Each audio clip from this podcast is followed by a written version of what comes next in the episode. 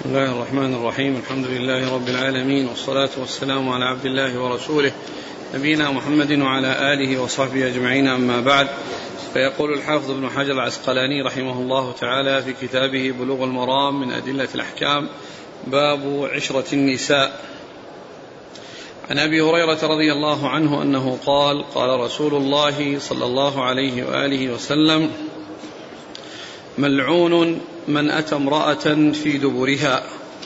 رواه أبو داود والنسائي واللفظ له ورجاله ثقات.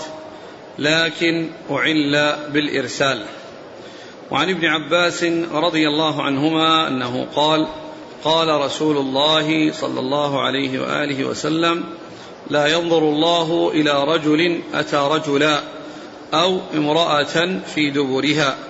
رواه الترمذي والنسائي وابن حبان وأعل بالوقف.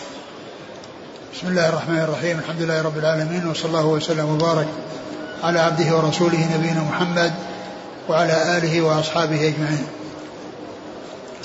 ما بعد يقول الحافظ بن حجر رحمه الله في كتاب بلوغ المرام وهو عشرة النساء. والمقصود من ذلك عشرة الرجال للنساء وكذلك عشرة النساء للرجال. وهي والعشرة هي المعاملة الطيبة التي تكون بين الزوجين.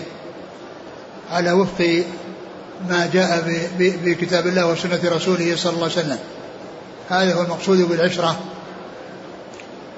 وقد أورد حديثين أحدهما يتعلقان بالإتيان في الدبر سواء كان للزوجة أو أو لرجل.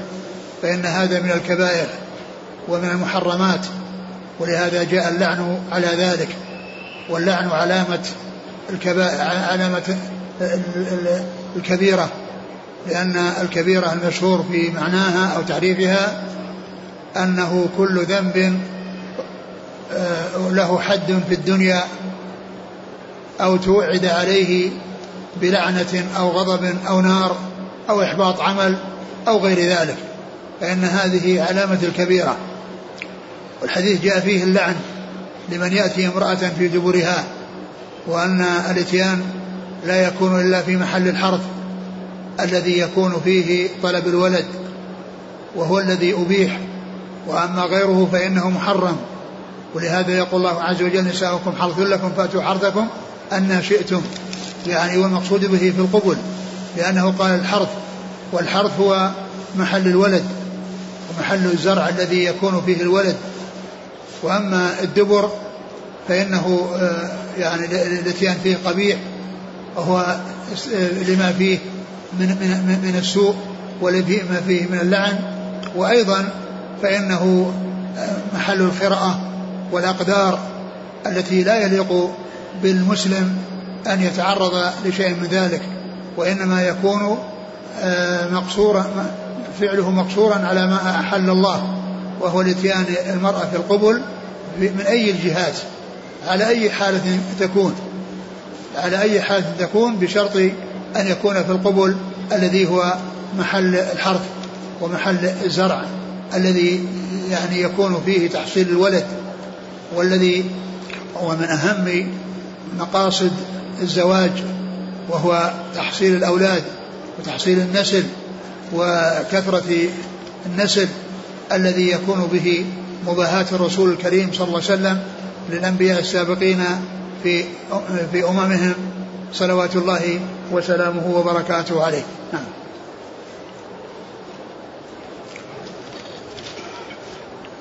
وعن أبي هريرة رضي الله عنه عن النبي صلى الله عليه وآله وسلم أنه قال من كان يؤمن بالله واليوم الآخر فلا يؤذي جاره. واستوصوا بالنساء خيرا فإنهن خلقن من ضلع.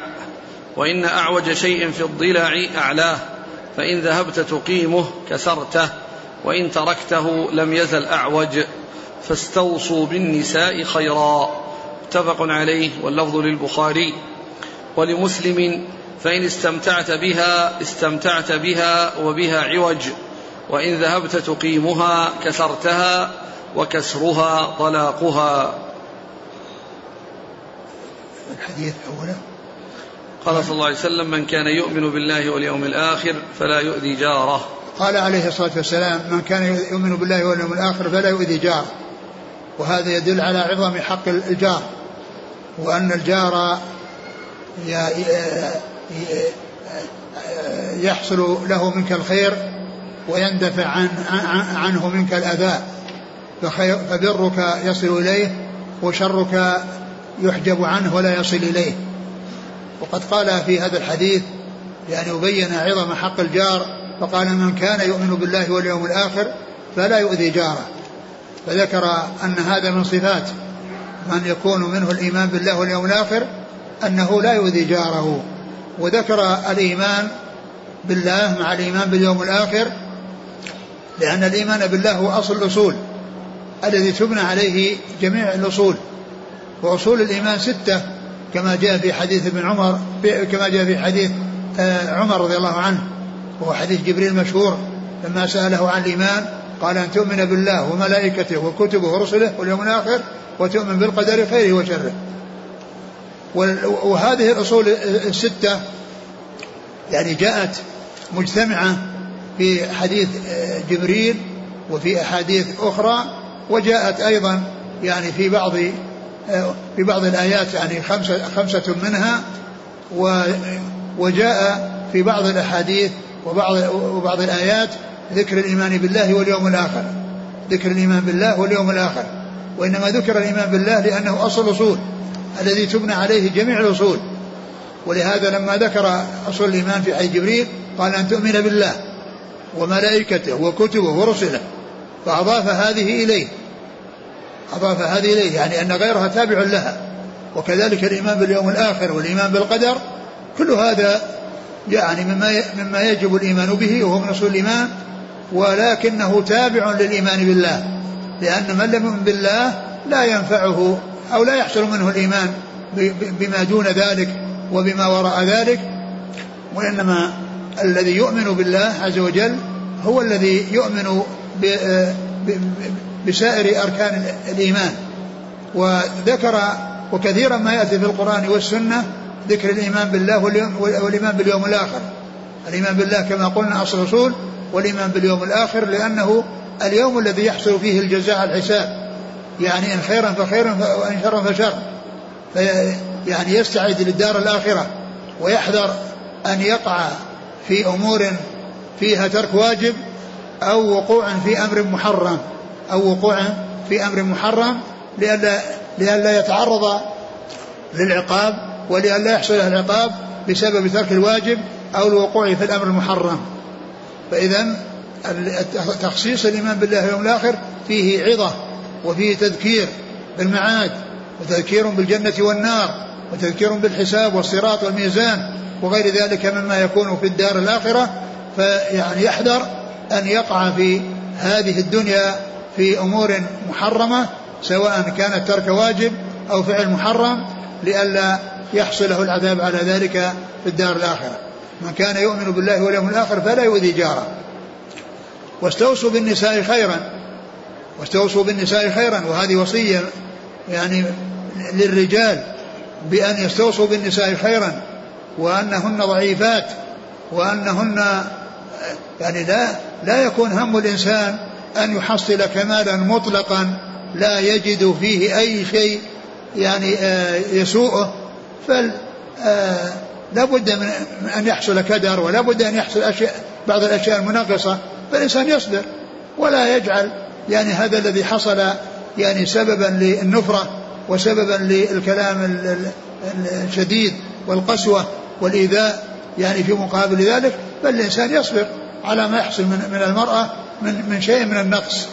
لأن لأن النساء خلقنا يعني من ضلع يعني أعوج ويعني وقد وصف الرسول صلى الله عليه وسلم أن أن أن الإنسان إذا أخذ المرأة ويعني آه، صار فيها يعني شيء يعني يعيبه فإنه يصبر ويحتسب ويعني يرشد ويبصر ويطلب يعني تغيير ما قد حصل برفق ولين.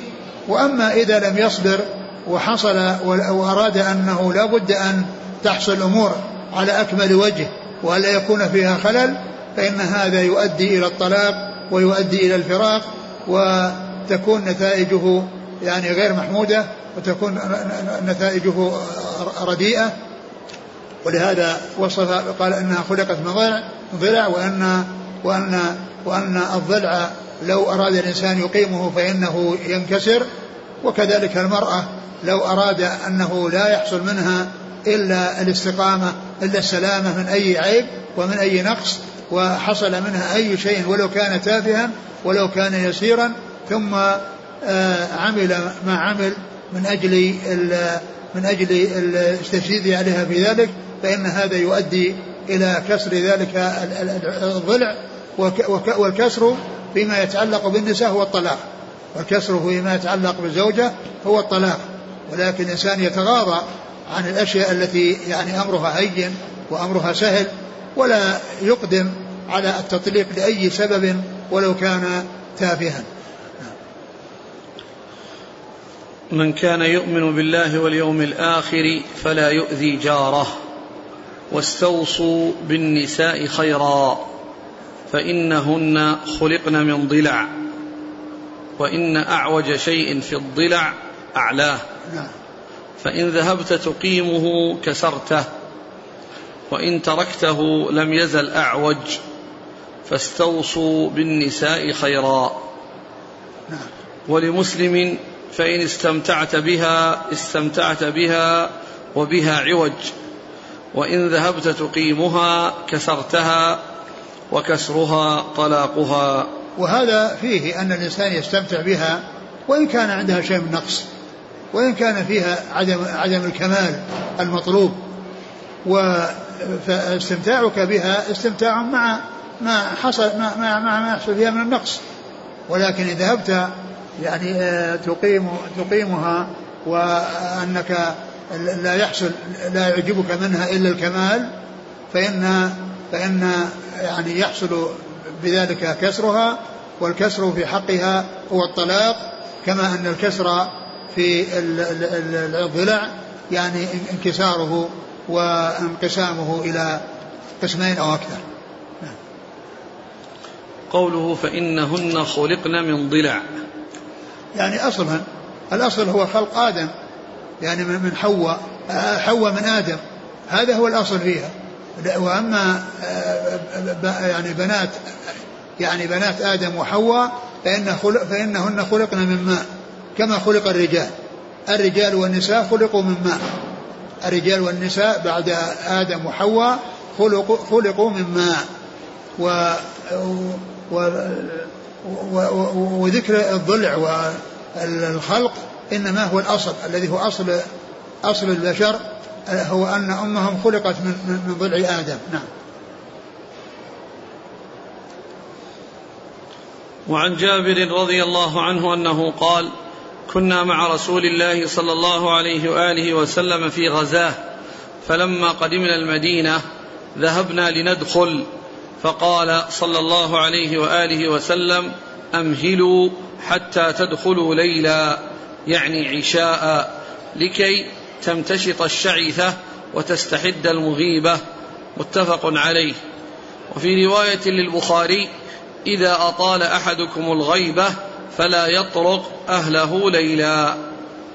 ثم ذكر هذا الحديث الذي الذي هو من الآداب آداب الرجال مع النساء وأن الواحد إذا جاء من سفر أنه يعني لا يأتيهم يعني بغتة ولا يدخل عليهم في وقت يعني يكونون يعني غير على استعداد وإنما يعمل على أن يعني يكون وصوله إليهم يعني مع في وقت يمكن الاستعداد فيه بأن يأتي عشاء فتتمكن المرأة من أن تتهيأ لزوجها تتهيأ لزوجها وكذلك التي غاب عنها كذلك تستعد له.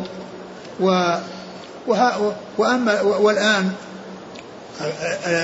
الاتصال بالوسائل التي التي من الله بها على العباد في هذا الزمان من الاتصالات الهاتفية وغير الهاتفية فإن الأمر لا يحتاج مع ذلك إلى إلى مثل هذا لأنهم يحصل الاتصال وينبغي الإنسان يتصل ولا ولا يهمل بأن يأتي بغته وهو عنده التلفون الذي يمكن أن ينبههم بقدومه وفي الوقت الذي يقدم به.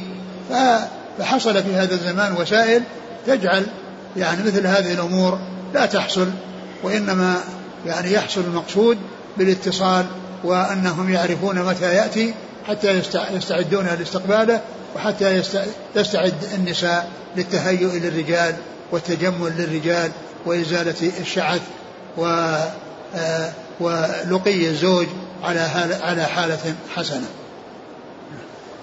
عن جابر قال كنا مع رسول الله صلى الله عليه وسلم في غزاة فلما قدمنا المدينة ذهبنا لندخل يعني لما وصلوا المدينة ذهبوا ليدخلوا من حين من حين وصلوا فأمرهم الرسول صلى الله عليه وسلم أن يعني لا يحصل منهم أن يأتوا بغتة وإنما يعني يدخلون ليلا أي في أول الليل اللي هو في العشاء و وحتى يعني يمكن الاستعداد يعني في أول الليل بأن تستعد المرأة في أول الليل نعم فقال أمهلوا حتى تدخلوا ليلا نعم. يعني عشاء لكي تمتشط الشعثة نعم. وتستحد المغيبة نعم. وفي رواية البخاري إذا أطال أحدكم الغيبة فلا يطرق أهله ليلا. يعني هذا يعني من باب أولى إذا كان أطال. وحتى لو لم, لو لم تحصل الإطالة فإن يعني الاستعداد مطلوب. ولكن قد يكون إذا كان السفر معروف أنه قصير يعني تكون المرأة على استعداد لأنه السفر ليس بطويل. ولكن السفر الطويل هو الذي يكون به حصول الشعث ويكون فيه يعني نبات الشعر الذي يحتاج إلى إزالته من أجل من أجل الزوج.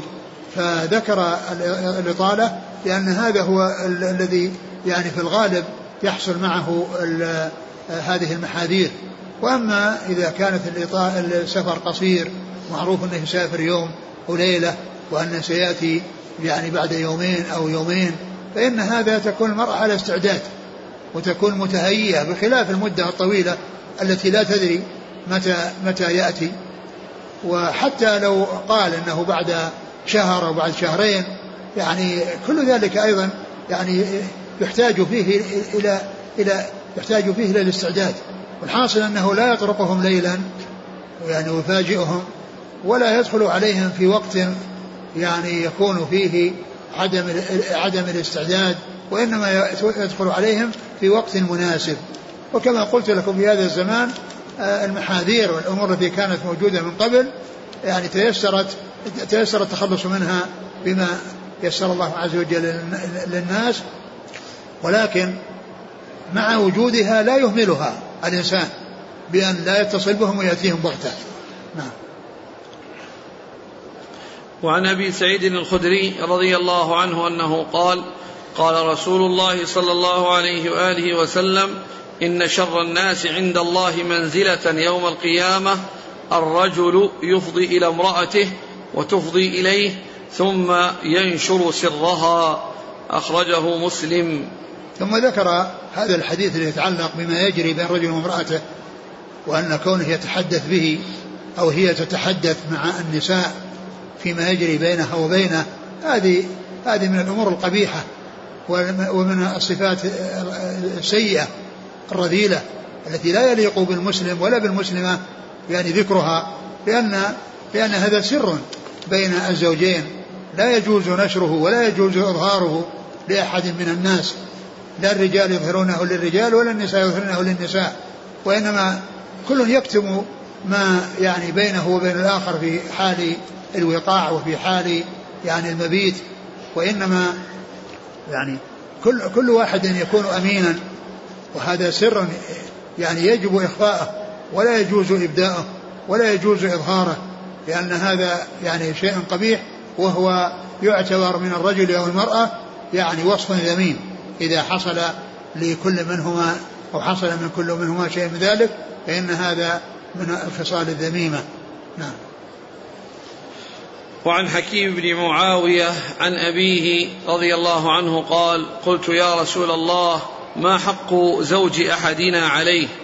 قال تطعمها إذا أكلت وتكسوها إذا اكتسيت ولا تضرب الوجه ولا تقبح ولا تهجر إلا في البيت. رواه أحمد وأبو داود والنسائي وابن ماجه. وعلق البخاري بعضه وصححه ابن حبان والحاكم. ثم ذكر هذا الحديث الذي يتعلق بين يعني فيما بين الرجل والمرأة من مما يجب لها عليه وهو أنه يجب له عليها لا لها عليه النفقة وأن يطعمها ويعني يلبسها وأن يعني يعاملها معاملة طيبة وإذا حصل شيء يحتاج إلى تأديب فإنه لا يعني يقبح ويدعو عليها ويقول قبحك الله. أو بكلام بذيء كلام قبيح وكذلك أيضا يعني لا لا يضربها الضرب الذي يؤثر ولكن إن ضربها وألجأ الأمر إلى ذلك بعد الوعظ وبعد الهجر ولم يعني ينفع في ذلك إلا أن يضربها يضربها ضربا غير مبرح ويجتنب الأشياء التي آه، يكون فيها تشويه يعني كضرب الوجه لأن ضرب الوجه قد يؤثر على الوجه وقد يؤثر على الحواس التي في الوجه لأن الحواس أكثرها في, الوجه يعني ففيه ففيه الفم منفذ الفم وفيه منفذ العينين وفيه منفذ الأنف وقريب منه يعني آه، الأذنان. فإن الحصول يعني أو الضرب في, في تلك الأماكن قد يفقد هذه الحاسة حاسة التي هي في هذا المكان التي هي في الرأس وأكثرها في الوجه وأكثرها في الوجه. فيجتنب إذا إذا فعل ولا يضرب ضربا يعني مبرحا وإنما يضرب ضربا خفيفا إذا ألجأت الأمر إلى ذلك فهو مثل مثل الكي الذي يستعمل في العلاج لا يصار إليه إلا عندما لا يغني يعني شيء مما هو دونه. قلت يا رسول الله ما حق زوج أحدنا عليه؟ قال تطعمها إذا أكلت وتكسوها إذا اكتسيت ولا تضرب الوجه ولا تقبح ولا تهجر إلا في البيت. ثم قال ولا تهجر إلا بالبيت. لا تهجر إلا بالبيت يعني أن الهجر الذي يكون يعني بينه وبينها إذا أراد يهجرها يعني يكون في البيت وأيضا يكون في المنام. يعني بأن يظهر لها يعني غضبه وعدم رضاه ولا يهجرها أمام الأولاد ويظهر شيئا أمام الأولاد أو أمام أو أمام أمام, أمام الناس فإن الهجر إذا وجد فإنه ينبغي أن يكون يعني في البيت ويكون في الفراش يعني بأن يعني يبدي لها غضبه وتألمه وتأثره ولا يفعل ذلك أمام الأولاد ولا أيضا خارج خارج البيت. ولا يكون ذلك خارج البيت لأن هذا هو الأصلح وهذا هو الذي أنفع وهذا هو الذي يخفف الوطأ ويخفف المصيبة. أما إذا يعني انتشرت وظهرت فإن هذا نشر لشيء لا ينبغي أن ينشر وإنما ينبغي أن يكون خفيا حتى حتى عن الأولاد الذين معه في البيت. يعني إذا أراد أن يهجر يهجر في الفراش حتى يعني تعلم وحتى تتأدب وذلك بأن يلقي يلقي يوليها ظهره وأن يعني لا يكلمها يعني في الفراش يعني إظهارا لغضبه لشيء قد حصل منها هو هو السبب في غضبه. وعن جابر بن عبد الله رضي الله عنهما أنه قال: كانت اليهود تقول: إذا أتى الرجل امرأته من دبرها في قبلها كان الولد أحول فنزلت نساؤكم حرث لكم. الآية متفق عليه واللفظ لمسلم.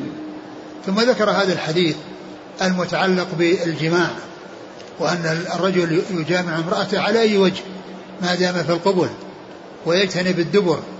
وكانت اليهود يعني يقولون ان إن الرجل إذا جامع امرأته في قبلها من من من دبرها يعني من ورائها فحصل حمل بسبب ذلك الجماع فإنه يكون أحول يعني أحول العينين.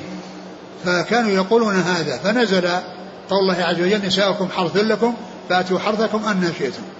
نساؤكم حرث لكم فأتوا حرثكم أن شئتم. يعني الحرث إنما هو القبل فيأتيه من أي جهة يأتيه من أي جهة.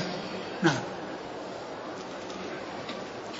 وعن ابن عباس رضي الله عنهما أنه قال قال رسول الله صلى الله عليه وآله وسلم لو أن أحدكم إذا أراد أن يأتي أهله قال بسم الله اللهم جنبنا الشيطان وجنب الشيطان ما رزقتنا فإنه إن يقدر بينهما ولد في ذلك لم يضره الشيطان أبدا. متفق عليه. ثم ذكر هذا الحديث الذي متعلق بآداب.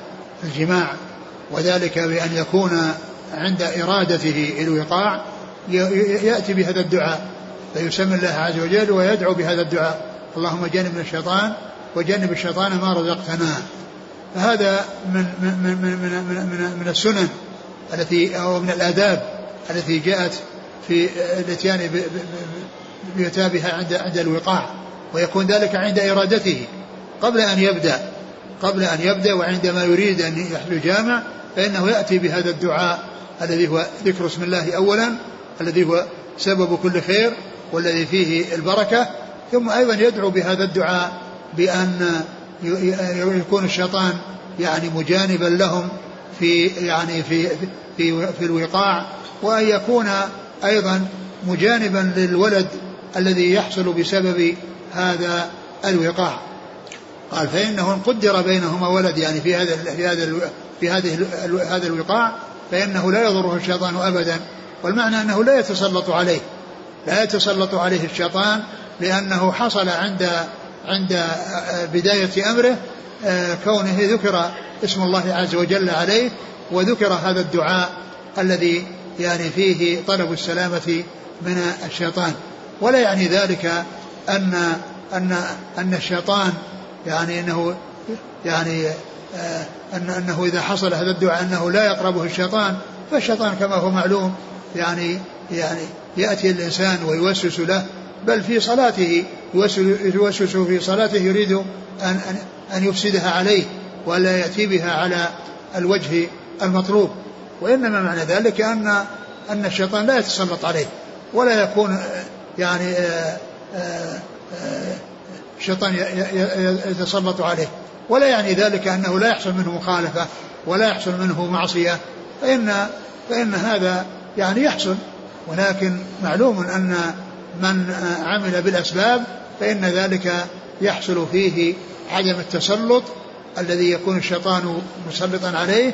وإن حصل يعني له شيء من النقص أو شيء من الخلل يعني مع وجود هذه التسمية فلا يقال إن الولد يعني الذي يحصل منه يكون سليما وأن يكون مستقيما وأن تكون بدايته ونهايته على خير فالشيطان عدو الإنسان وهو حريص على إضلاله وعلى إغوائه وعلى إخراجه من النور إلى الظلمات.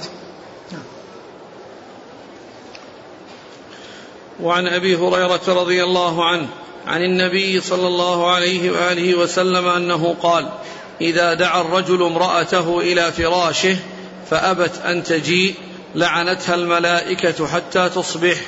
متفق عليه. واللفظ للبخاري ولمسلم كان الذي في السماء ساخطا عليها حتى يرضى عنها. ثم ذكر هذا الحديث في أن المرأة يعني وهذا من الآداب أو العشرة التي تكون من المرأة. لأن العشرة يعني العشرة هي من الرجل للمرأة ومن المرأة للرجل. فمن حق الزوجة الزوج على زوجته أنه إذا دعاها أنها تأتي إليه. إذا دعاها لحاجته إليها فإنها تأتي إليه. وإن يعني لم يحصل ذلك فإن الملائكة تلعنها حتى تصبح. و وفي رواية الذي إلا كان الذي في السماء ساخطا عليها حتى يرضى عنها. والذي في السماء هو الله عز وجل. ويعني قوله الذي في السماء أي الله. مثل قوله أمنتم من في السماء. أمنتم من في السماء. والمراد بالسماء العلو الذي هو فوق العرش. لأن العلو يعني مستمر فوق الإنسان منه ما هو داخل المخلوقات ومنها ما هو فوق المخلوقات. والمقصود آه يعني أن الله في السماء في العلو وليس في السماء المبنية فإن فإنه لا تحويه المخلوقات وإنما هو فوق كل شيء. هو رب كل شيء ومليكه وهو فوق كل شيء والعلو يعني منه ما هو داخل المخلوقات ومنها ما هو فوق المخلوقات. والله تعالى في العلو الذي هو فوق المخلوقات فوق العرش. وعن ابن عمر رضي الله عنهما أن النبي صلى الله عليه وآله وسلم لعن الواصلة والمستوصلة والواشمة والمستوشمة متفق عليه. ثم ذكر هذا الحديث الذي يعني فيه يعني كبائر أو بعض الكبائر من كبائر الذنوب لأن فيها اللعن. قال عليه الصلاة والسلام لعن الله الواصلة والمستوصلة. الواصلة التي تريد أن تصل شعرها بشعر آخر. التي الواصلة هي التي تصل شعرها بشعر آخر أو تصل شعر غيرها بشعر آخر. يعني سواء كان لها أو لغيرها. يعني واصلة لنفسها واصلة لنفسها أو واصلة لغيرها. فإن ذلك حرام لأن هذا يعني فيه غش وفيه أيضا يعني تغيير لخلق الله. و وكذلك المستوصلة التي تطلب الوصل تطلب من امرأة أن تصل شعرها بشعر آخر أو يعني تطلب منها أن تأتي لتصل يعني بنتها أو امرأة أخرى يعني معناها أنها تطلب من, من, من امرأة أن تصل شعرها أو تصل شعر غيرها أو تصل شعر غيرها فإن هذا من كبائر الذنوب. لعن الله الواصلة والمستوصلة ثم قال والواشمة والمستوشمة. والواشمة هي التي تشم جسدها أو تشم, تشم جسد غيرها والمستوشمة هي التي تضرب ذلك لها أو لغيرها. مثل الواصلة والمستوصلة. والوشم هو أنه يغرى كانوا في الجاهلية يعني يغرزون في الجسد إبرة فإذا خرج الدم وضعوا عليه يعني مادة تجعل اللون الذي يعني خرج أو الذي آه، آه، الذي غرز أنه يتغير لونه فيصير لونه أخضر أو لونه أحمر أو أي لون آخر من الألوان التي تخالف تخالف الجسد. هذا هو الوشم. والرسول صلى الله عليه وسلم لعن الواشمة التي تشم نفسها أو تشم غيرها والمستوشمة التي تطلب ذلك لنفسها أو لغيرها كما قيل في الواصلة والمستوصلة. نعم. ولا ينظر هنا إلى مسألة رضا الزوج أو طلب الزوج. لا أبدا. لا ينظر فيه يعني لرضا أحد وإنما هذا شيء حرام. ولو طلبه الزوج لا تفعله. لأن هذا معصية ولا طاعة لمخلوق في معصية الخالق. وعن جذامة بنت وهب رضي الله عنها قالت حضرت رسول الله صلى الله عليه وآله وسلم في أناس وهو يقول لقد هممت أن أنهى عن الغيلة فنظرت في, في الروم وفارس فإذا هم يغيلون أولادهم فلا يضر ذلك أولادهم شيئا. ثم سألوه عن العزل فقال رسول الله صلى الله عليه وسلم ذلك الوأد الخفي رواه مسلم. وعن أبي سعيد الخدري رضي الله عنه أن رجلا قال يا رسول الله إن لي جارية وأنا أعزل عنها وأنا أكره أن تحمل وأنا أريد ما يريد الرجال. وإن اليهود تحدثوا أن العزل الموءوده الصغرى. قال كذبت يهود لو أراد الله أن يخلقه ما استطعت أن تصرفه. رواه أحمد وأبو داود واللفظ له والنسائي والطحاوي ورجاله ثقات. وعن جابر رضي الله عنه قال كنا نعزل على عهد رسول الله صلى الله عليه وآله وسلم والقرآن ينزل.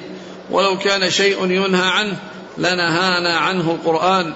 متفق عليه ولمسلم فبلغ ذلك نبي الله صلى الله عليه وسلم فلم ينهنا.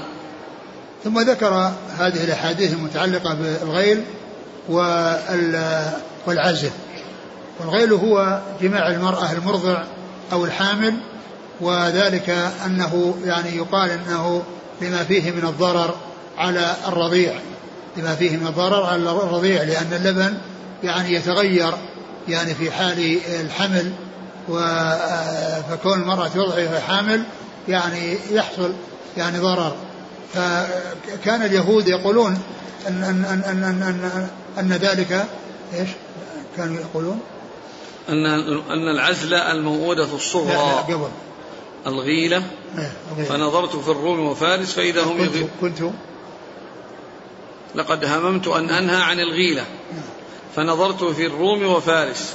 فإذا هم يغيلون أولادهم فلا يضر ذلك أولادهم شيئا. يعني نهر أراد النبي أن ينهى عن الغيلة والغيلة هي إرضاع الولد يعني الرضيع من المرأة الحامل والرسول صلى الله عليه وسلم أراد أن ينهى عن ذلك ولكنه رأى الفرس والروم وهم عندهم القوة وعندهم الجلد ومع ذلك يعني ما ضرهم يعني هذا الشيء.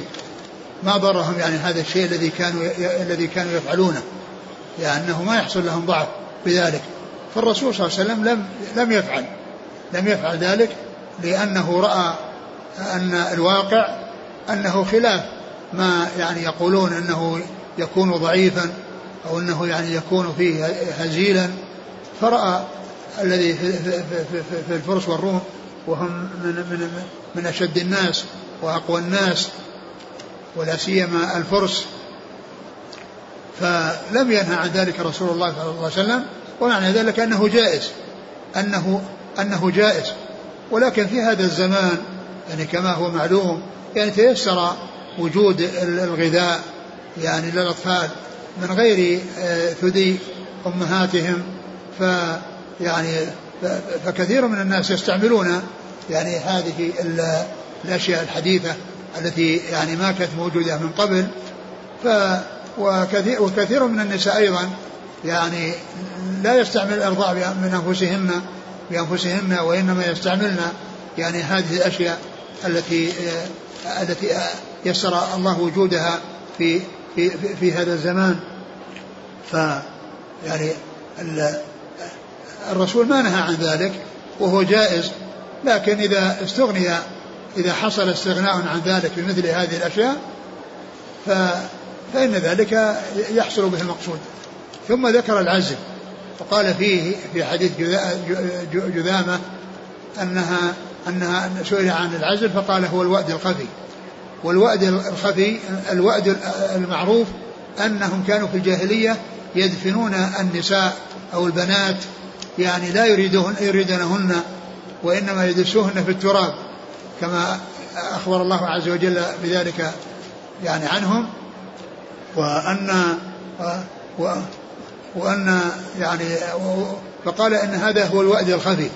والوأد الخفي يعني المقصود به أن أن الإنسان إذا يعني عزل يعني يريد أن يعني لا يحصل إنجاب ولا يحصل حمل بسبب هذا الماء يعني قال كأنه شبيه يعني بهذا لأن فيه إضاعة هذه النطفة التي هي محل الولد. ولكن الذي جاء في, في الأحاديث الصحيحة الثابتة عن رسول الله صلى الله عليه وسلم جواز العزل. وقد جاء أن في الأحاديث التي التي بعد هذا إيش قال؟ قال إن لي جارية وأنا أعزل عنها وأكره أن تحمل وأنا أريد ما يريد الرجال. واليهود تحدث أن العزل الموؤودة الصغرى. قال كذبت يهود لو أراد الله أن يخلقه ما استطعت أن تصرفه. يعني هذا أخبر بأن له جارية وأنه يحب الاستمتاع بها ولكنها يخشى أن تحمل. ومن المعلوم أن الجارية إذا حملت صارت أم ولد فلا يتمكن من بيعها لا يتمكن من بيعها التصرف بها وإنما تبقى يعني حتى تلد وإذا يعني ولدت فإنها تعتق. يعني فهذا يعني وقد جاء الحديث أو الحديث بيع أمهات الأولاد وقد مر بنا بنا الحديث ذلك وأن الراجح هو يعني أن أن أنهن لا يبعن وإنما يعني يستمتع بهن الإنسان ويعني بعد ذلك تعتق وتكون أما لولده معه لا تكون سلعة تباع وتشترى ويبقى ولده في في في في جانب وأمه في جانب آخر وإنما تكون معه وإنما تكون الابن يكون معها. فقوله أني يعني يكره أن تحمل أو أنه لا يريد أن تحمل يعني حتى لا يعني يتمكن من بيعها. يعني إذا صارت ولد ما تباع. فهذا هو السبب الذي جعله يعني آآ آآ يقول ذلك. وقال إنه أنه أنه يعزل يعني حتى لا تحمل. وأن اليهود يقولون أنه المؤودة الصغرى فقال كذبت يهود لو أراد الله عز وجل أن يخلق يعني إنسانا لا حصل مع وجود العزل لأن الإنسان قد يفوته يعني مع حرصه قد ينطلق منه قطرة أو قد تنزل قطرة إلى إلى إلى الرحم ويكون منها الولد. ولهذا جاء في صحيح مسلم ليس من كل ليس من كل الماء يكون الولد يعني ما هو معناه ان الولد يأتي من من مما يحصل في الجماع من الماء الكثير وإنما قطرة صغيرة جدا يكون منها الولد.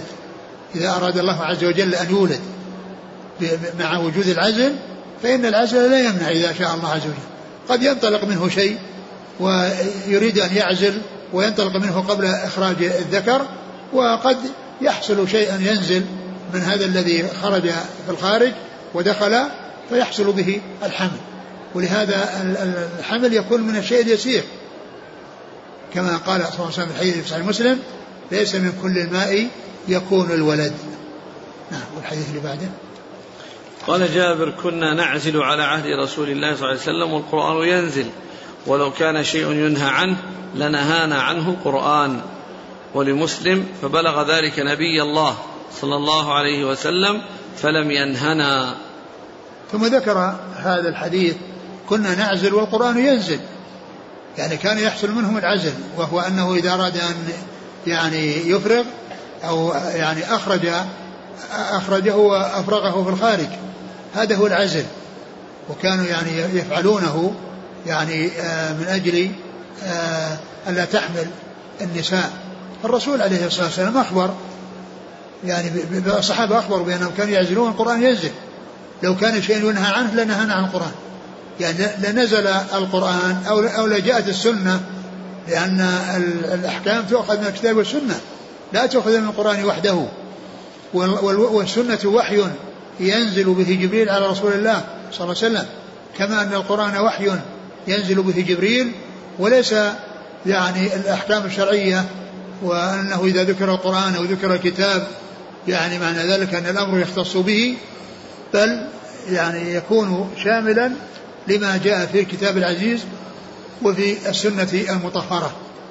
وزاد ذلك إيضاحا يعني هذه الرواية التي قالها مسلم والتي جاءت في صحيح مسلم أن الرسول علم ولم ينههم. يعني الرسول علم ولم ينههم عن ذلك يعني أنه علم بأنهم يعزلون ولم ينههم عن ذلك. وعن أنس بن مالك رضي الله عنه أن النبي صلى الله عليه وآله وسلم كان يطوف على نسائه بغسل واحد. أخرجاه واللفظ لمسلم. ثم ذكر هذا الحديث الخاص بالرسول صلى الله عليه وسلم وأنه كان يطوف على نسائه بغسل واحد و والله تعالى أعطاه من القوة يعني في الجماع ما يعني قوة ثلاثين رجل كما جاء في الحديث الصحيح عن رسول الله عليه الصلاة والسلام. وهل كان رسول يعني قد العزل القسم واجب عليه أو ليس واجبا عليه؟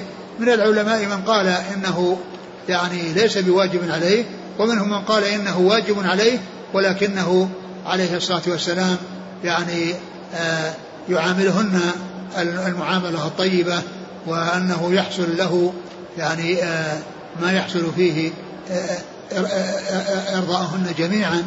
وقيل إن هذا أنه يعني بإذن يعني صاحبة النوبة التي يعني يكون يعني يدور في في ليلتها على نسائه وأنه يجامعهن ويكون ذلك بغسل واحد. فهذا منه صلى الله عليه وسلم يعني مما أعطاه الله عز وجل من القدرة يعني على الجماع وما خصه به. من هذه القدرة التي جاء بيانها في الحديث الذي ذكرته وهو أنه أعطي قوة ثلاثين رجلا في الجماع. نعم. انتهى؟ نعم. نعم. والله تعالى أعلم وصلى الله وسلم وبارك على عبده ورسوله نبينا محمد وعلى آله وأصحابه أجمعين. جزاكم الله خيرا وبارك الله فيكم. ألهمكم الله الصواب ووفقكم للحق. شافاكم الله وعافاكم ونفعنا الله ما سمعنا. غفر الله لنا ولكم وللمسلمين أجمعين آمين. قوله لقد هممت أن أنهى عن الغيلة هل هو مثل النهي صلى الله عليه وسلم في أول الأمر عن تأبير النخل؟ نعم هو مثل هذا لأن هذا شيء يعني يعني جرب ويعني أن أنه فيه الفائدة وفيه المصلحة. يقول آه، هل العزل يكون فقط عن الإماء أم يجوز العزل حتى في الزوجات الحرائر؟ مع الزوجات الحرائر بإذنهن بإذنهن إذا أذنت له أن يعزل وإذا لم تأذن فليس له ذلك. في حديث جذامة قال ذلك الوأد الخفي. وفي حديث جابر فيه الإذن. يعني دل دل على أن أن أن أن حديث جابر وكذلك الحديث الآخر الذي فيه الذي فيه يسأل عن الذي يسأل عن الذي يسأل عن عن العزل عن الجارية وقال إنها كذبت يعني فيمكن أن يكون يعني هذا قاله اولا وهذا قاله اخرا وهذا هو الذي آه، وهذا وهذا هو الصحيح أنه أنه يجوز العزل لأنه جاء ما يدل عليه. يقول أحسن الله إليكم هناك من يقول بأن أحاديث الإتيان في الدبر لا يشد بعضها بعضا ولا تتقوى فلا تخلو من مقال وكلام. ولأجل؟ أحاديث النهي عن الإتيان في الدبر أحاديث ضعيفة لا تخلو من مقال ولذلك المتقدمون ضعفوا هذه الأحاديث وأعلوها هي أحاديث صحيحة أحاديث صحيحة ويقوي بعضها بعضا. ويعني والشيء الذي جاء إنما هو التنصيص على القبول الذي هو محل الحرف ولم يأتي يعني شيء يعني صريح يدل على الإتيان بالدبر الذي هو موضع القراءة. يقول ما كفارة من أتى امرأته في دبرها؟ لا أذكر لا أدري.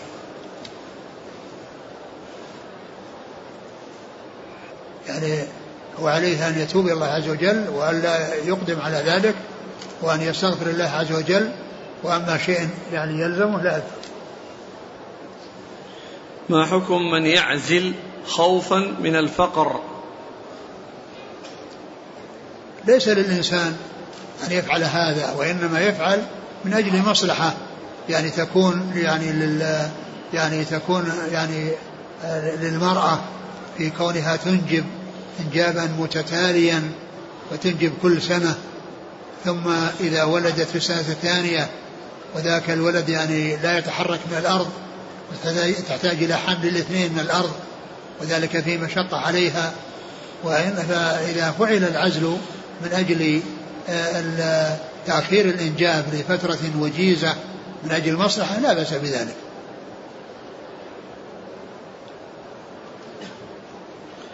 يقول آه، ما حكم وصل الشعر بالحرير أو نحوه من الخرق؟ وآخر يقول بالصوف. هل النهي عن الوصل شعر بشعر أو شعر بأي شيء كان؟ الشيء الذي فيه تدليس سواء كان شعر أو غير شعر سواء كان من, من, من شعر أو من غيره لكنه خيوط مثل الشعر وتماثل الشعر المقصود من ذلك هو التدليس نعم يقول لبس الباروكة على الشعر سواء على الرجال أو النساء. يدخل في وصل الشعر؟ لا يجوز هذا عمل لا يجوز لأنه من جنس وصل الشعر. يعني كونه يعني الشعر قد يكون الشعر قليل بدل يعني ما, ما يصله يأتي بشيء يغطي الرأس ثم ينزل منه الشعر وكأنه يعني شعر من خلقة الله عز وجل. الباروكة لا تجوز لا يجوز استعمالها يسأل عن وصل الرموش الأهداب. لا لا توصل. الرموش لا يتعرض لها الإنسان بشيء.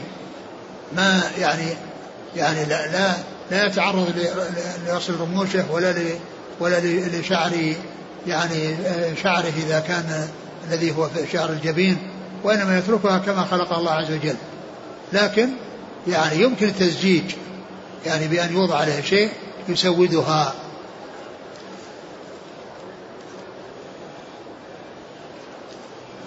يقول رجل عنده زوجتان فهل يجوز له أن يجامعهما في النهار والليل واحدة منهما؟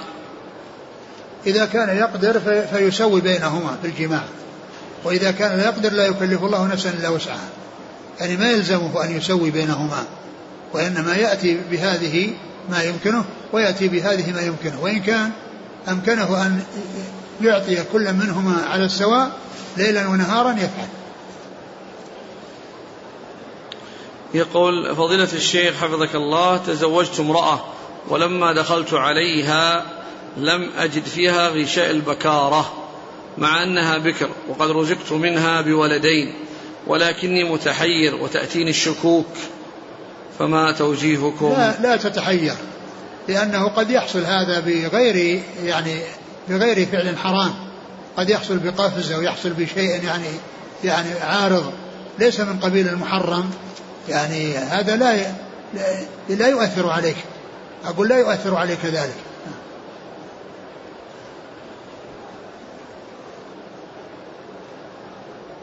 إذا تزوج رجل امرأة ثم طلقها قبل الدخول فهل عليها عدة؟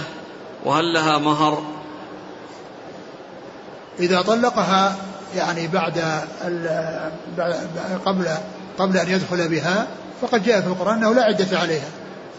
يا أيها الذين آمنوا نكحتم ثم طلقتموهن من قبل أن تمسون فما لكم عليهن من عدة تعتدونها. وأما بالنسبة للمهر فإن لها نصفه كما جاء في القرآن.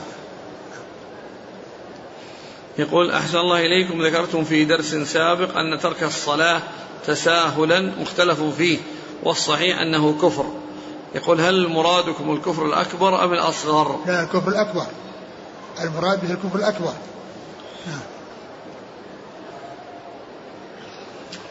يقول ما حكم الزواج الجماعي؟ إذا كان المقصود بالزواج الجماعي من أجل يعني وجود يعني وليمة يشترك فيها جماعة فهذا لا بأس به جيد. يعني يكونهم يعني يتزوجون ويصير الحفل واحد ويشتركون في الحفل لا بأس بذلك لا مانع منه. كيف الجمع بين قوله صلى الله عليه وسلم تزوجوا الودود الولود مع أحاديث العزل؟ لا لا تنافي بينهما. لا تنافي بينهما لأن من النساء من تكون قليلة الولادة ما تأتي إلا ولد أو ولدين مثلا. ومنها من تأتي بأكثر من عشرة. فالتي عرف من من أمهاتها أمها وخالاتها وأخواتها أنهن ينجبن ويحصل منهن الولادة الكثيرة يعني فإن هذا هو المطلوب. لكن العزل كما قلت لا يصار إليه إلا عند الحاجة إليه بالنسبة للنساء. وذلك بأن تكون المرأة يعني تنجب في كل سنة وتتضرر بالحمل وتتضرر بخدمة الأولاد. يعني بحيث أن أنه يأتي الثاني والآخر يعني ما, ما انتهض من الأرض فتحتاج إلى حملهما جميعا. فهذا هو الذي يعني يعزل من أجله نعم. أو يعزل من جهة من الجارية التي يعني لا يريد أن تحمل حتى حتى لا تذهب عليه ماليتها بأنه لا يستطيع أن يبيعها نعم. هل يقاس على العزل استخدام الحبوب والحقن المانعة للحمل تنظيما لا تحديدا آه نعم إذا كان هناك شيء يعني يغني عن العزل أو يعني يفيد يعني كما يفيد العزل بأن تستعمل المرأة حبوب تؤخر يعني الحمل قليلا لا بأس بذلك هذا مثل العزل هل الكفارة لمن أتى حائضا يختص بالمتعمد أو تعم من أخطأ وظن طهارة زوجته فتبين له أنها لا زالت في الحيض؟ على كل أن الاحتياط له ثم أيضا الكفارة يسيرة وقليلة يعني فالأمر في ذلك سهل. يقول رجل جامع زوجته قبل أذان الفجر بخمس دقائق يظن أنه يقضي حاجته قبل الأذان فثم أذن المؤذن ولا زال في ذلك. هل يقاس على الأكل ويتم صيامه؟ لا لا يقاس. وإنما عليه أن ينزع. إذا عرف أن الوقت دخل ينزع. يعني ولا يجوز له الاستمرار لأنه لو استمر يعني معناه أنه فعل أمرا فيه كفارة وفي أمر يعني محرم يعني يعني وكذلك بالنسبة لل بالنسبة للأكل يعني جاء ما يدل على أن الإنسان إذا أذن وكان الأذان يعني معروف أنه على الوقت أنه يواصل. إذا أذن المؤذن والإناء على يدي أحدكم فلا يضعه حتى يقضي حاجته منه. وأما بالنسبة لهذا فالذي يجامع يجامع في وقت متقدم بحيث لا يتعرض للأمر المحذور وإن وقع وكان لا يعرف عن الوقت ثم سمع الأذان فإن عليه أن ينزع. ولا يجوز له أن يواصل لأنه لو واصل صار مثل الذي يجامع في نهار رمضان. يقول ما حكم تحديد الحواجب بالكحل؟ بحيث لو نظر إليه تراه كأنه نمص وهو ليس بنمص. آه تزجيج للحواجب يعني جائز.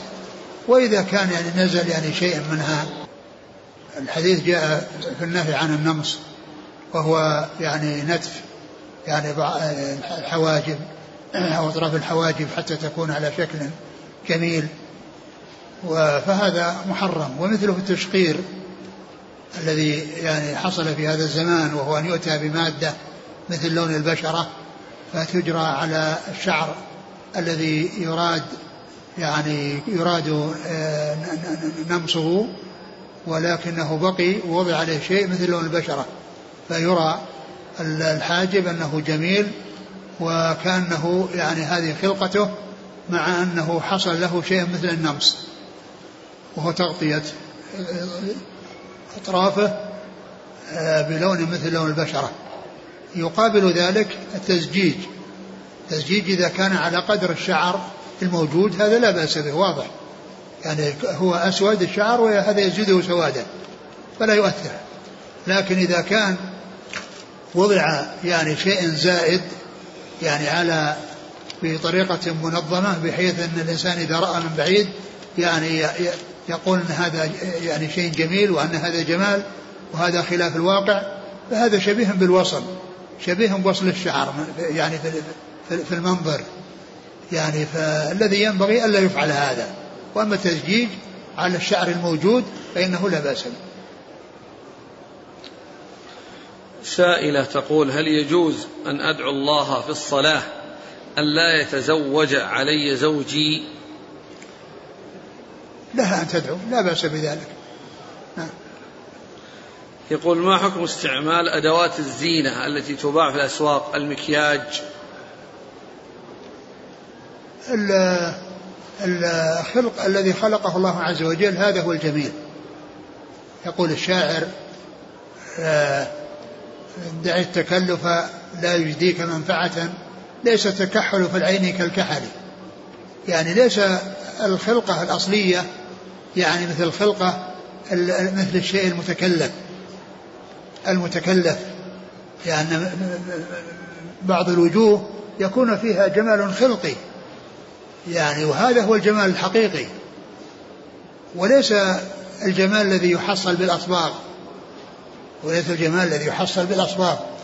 والحاصل أنه إذا كانت المرأة تجملت لزوجها بشيء يعني لا يعني لا محذور فيه ولا يعني يؤثر فإن ذلك لا بأس به. لكن يعني ترك ذلك لا شك أنه هو الأولى. لأن هذا يعني يعني فيه يعني هذه الأصباغ التي تضاف يعني ما نعلم شيء يمنعها ولكن تركها أولى. يقول فضيلة الشيخ شاب مصلي ومتزوج وقع في الزنا ثم ندم وتاب فهل بطل نكاحه بهذه الجريمة؟ لا ما يبطل النكاح. ما يبطل النكاح بكون الإنسان يزني بل الزواج باقي. ولا يعني لكن هذا محرم. وهذا والعياذ بالله يعني أغناه الله بالحلال ثم صار يبحث عن الحرام. يعني هذا من أسوأ ما يكون أن الإنسان أعطاه أعطاه الله النعمة ومكنه منها ثم ذلك يبحث عن أمر محرم. يبحث عن أمر محرم وقد أعطاه الله الحلال.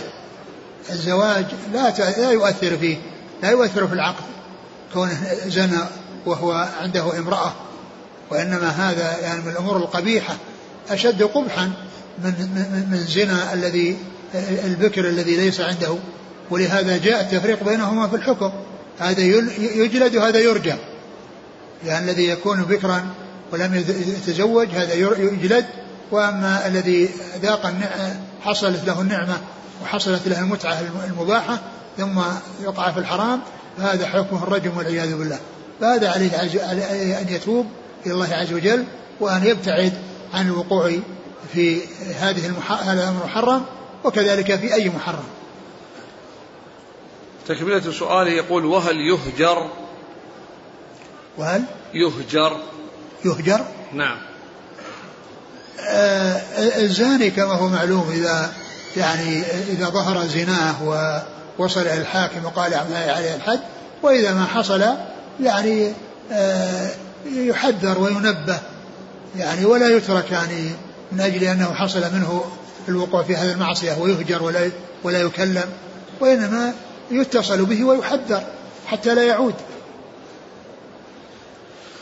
هل يجوز للنساء الاشتغال بالرياضة في في صالة خاصة بالنساء للمحافظة على صحتهن؟ ما ينبغي لهن ذلك. ما ينبغي لهن أن يفعلن مثل ما فعل الرجال. لأن الرجال الآن لما دخلوا في الرياضة يعني انهمكوا فيها وصارت هي شغلهم الشاغل سواء بالفعل أو أو بالكلام. فدخول النساء في مثل ذلك ما هو طيب وقد يؤثر ذلك على بكرتهن. الوثب وما إلى ذلك يعني قد يحصل منه يعني شيء ما ينبغي في حق النساء. ولهذا بقاء النساء على ما كنا عليه من البعد عن الأشياء التي فيها محاذير هذا ينبغي أن أن أن أن, أن يستمر النساء على ذلك ولا يدخلن في مثل هذه الأشياء الحديثة التي ابتلي بها كثير من الناس في الخارج ومن الناس من يسعى إلى أن تكون موجودة في الداخل. يقول تقول هذه السائلة هل يجوز للمرأة أن تواظب على دروسها وهي حائض كأنها تأتي يعني ظهر إلى الحرم. لا ما يجوز للمرأة أن تدخل المسجد وهي حائض. لا يجوز لها أن تدخل وتقيم تبقى فيه. يعني مرور المرور جائز. وأما البقاء والمكث فإن ذلك لا يجوز. إيه، تقول الحجة الآن توجد دورة علمية وتحفيظ متون قد لا تتكرر إلا في مثل هذا الشهر. تحفظها تحفظها في البيت ويعني تسمعها إذا طهرت. ما هو الضابط في الكذب على الزوجة وكذب الزوجة على زوجها؟ يعني في الأشياء التي يعني ليس فيها يعني يعني ضياع حق أو تحصيل أو حصول أمر يعني منكر وإنما كلام يعني يحصل من باب المداعبة ومن باب التأنيس يعني وأنه يعني يحب وما إلى ذلك. وإن كان يعني عنده شيء من الحب ولكن ليس الحب الكثير فإنه يعني مثل هذا الشيء يعني سائغ ولا بأس له يقول أثابكم الله أمي تطلب مني المال باستمرار وعملي ليس بالعمل المستقر ولي ظروفي الخاصة والله يشهد أني لا أبخل عنها إن تيسر لي لكن إن لم أعطها غضبت وأنا أخشى أن أكون قد وقعت في العقوق. أبد اجتهد في الإحسان إليها وإذا كان الله أغناك يعني تحرص على إعطائها وإرضائها وإذا كان عندك يعني قلة ذات اليد فاتقوا الله ما استطعتم تعطيها مما مما تجد وتسترضيها وتخبرها بأنك ليس عندك قدرة وأنك يعني ليس عندك المال الكافي المهم أنك تحرص على إرضائها. شخص يصلي في البيت والمسجد يبعد عنه اثنين كيلو متر يقول لا يسمع الأذان مع العلم بأن عنده مركوب فما حكم صلاته في بيته؟ ما يجوز الإنسان أن يصلي في بيته. وإذا كان المسجد بعيد يعمل هو ومن حوله على إيجاد مسجد آخر يصلون فيه. أما كونه يصير مثل النساء لا يصلي إلا في البيت هذا ما يليق بالرجال. يقول أريد أن أشغل سيارتي مع شركة وهذه الشركة تشترط التأمين الشامل للسيارة. فإذا كنت مضطرا لذلك هل علي شيء؟ التأمين لا يجوز وهو محرم وفيه الغرض.